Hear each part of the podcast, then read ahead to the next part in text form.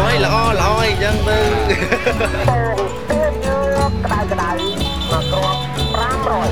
Het is ochtend in het avondland. Een podcast van Chris Janssens.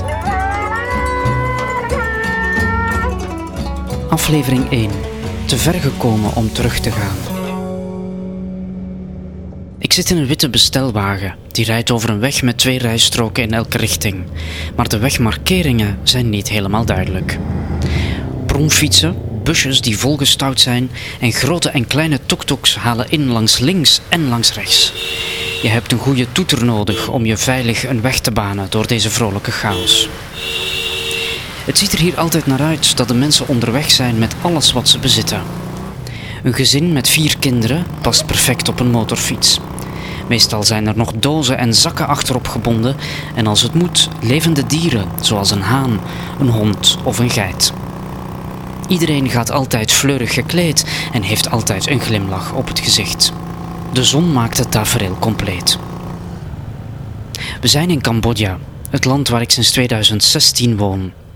Het wordt wel eens de Kingdom of Wonder genoemd, een wonderbaarlijk ontwikkelingsland.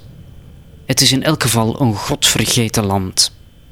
Letterlijk, God is vergeten dat Hij het ooit gemaakt heeft. En de wereld met Hem.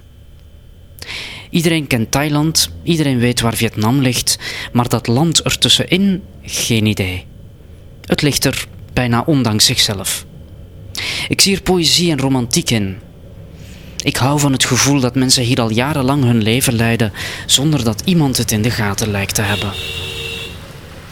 Voor ik hier begon te werken als reporter, nam ik contact op met het diensthoofd Buitenland, van wat in Vlaanderen een kwaliteitskrant genoemd wordt. Toen ik de naam van mijn nieuwe thuisland liet vallen, reageerden ze met: Dat is wel ver en de wereld is groot. De dédain kon niet groter zijn, de belangstelling niet kleiner. Ik moet nog vaak aan dat moment terugdenken, telkens ik mijn artikels of reportages doorstuur naar de opdrachtgevers waar ik intussen wel voor werk.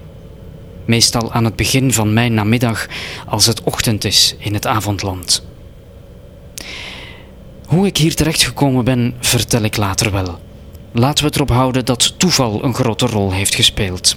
Ik ben hier. Dat is waar het om gaat. Het tafereel dat ik hier beschrijf is de weg van Phnom Penh, dat is de hoofdstad van Cambodja, naar Siem Reap. Die plaatsnaam heb je misschien al eens gehoord. Daar staan de wereldberoemde tempels van Angkor Wat. Meesterwerken uit de 12e eeuw, die op een bepaald moment verlaten zijn en als echte jungle-tempels overwoekerd werden door de natuur, tot de UNESCO ze op de werelderfgoedlijst plaatste. Als toeristen de weg naar Cambodja vinden, is het meestal om hier in Siem Reap foto's te komen maken. Vaak op doorreis van Bangkok naar Saigon of naar een andere Aziatische bestemming. Maar sinds het coronajaar 2020 zijn er geen toeristen meer. Intussen is het donker geworden. Er is nog één rijstrook in elke richting en de weg is niet verlicht. De chauffeur drukt het gaspedaal in en haalt geregeld andere auto's in, waarbij hij soms maar nip de tegenleggers ontwijkt, beschermd door het geluid van zijn klakson. Ik vind mezelf niet dapper dat ik dit doe. Ik ben niet dapper omdat ik een goede job in mijn geboorteland heb opgezegd voor een onzeker bestaan in een vreemde cultuur die ik op dat moment amper kende. En ook niet omdat ik de zogenaamde westerse zekerheden van mij heb afgeschud om mij helemaal over te geven aan die nieuwe cultuur.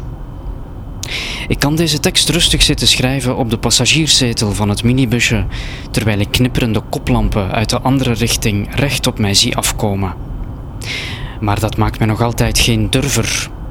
Dat ben ik nooit geweest. Ik heb wel over mezelf geleerd dat ik een doorzetter ben, al is dat niet altijd een positieve eigenschap.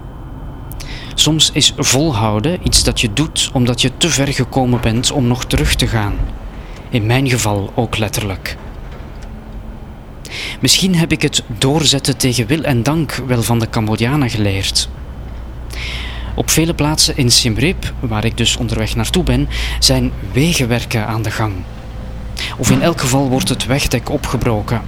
Grote machines woelen de grond om en laten bergen aarde en afval achter.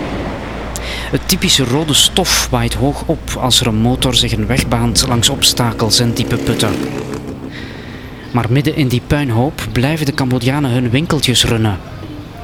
Kleurige jurken of spierwitte hemden worden te koop aangeboden onder parasols met een dikke laag stof. Verderop plant de uitbater van een koffiebar een tafeltje in het zand en hangt hij een vergeelde affiche uit met zijn drankenassortiment. Maar ik heb geleerd om niet te veel vragen te stellen over wat ik zie. Dat je hete thee krijgt uitgeschonken in een glas met ijsblokken of in een plastic beker met een rietje.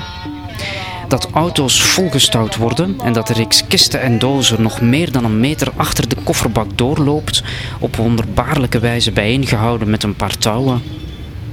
Of dat je op een druk kruispunt pas linksaf kan slaan als je eerst een halve kilometer meevolgt naar rechts en daar terugdraait over de middenberm. Toen ik dat de eerste keer zag, dacht ik spontaan: dit moet efficiënter kunnen.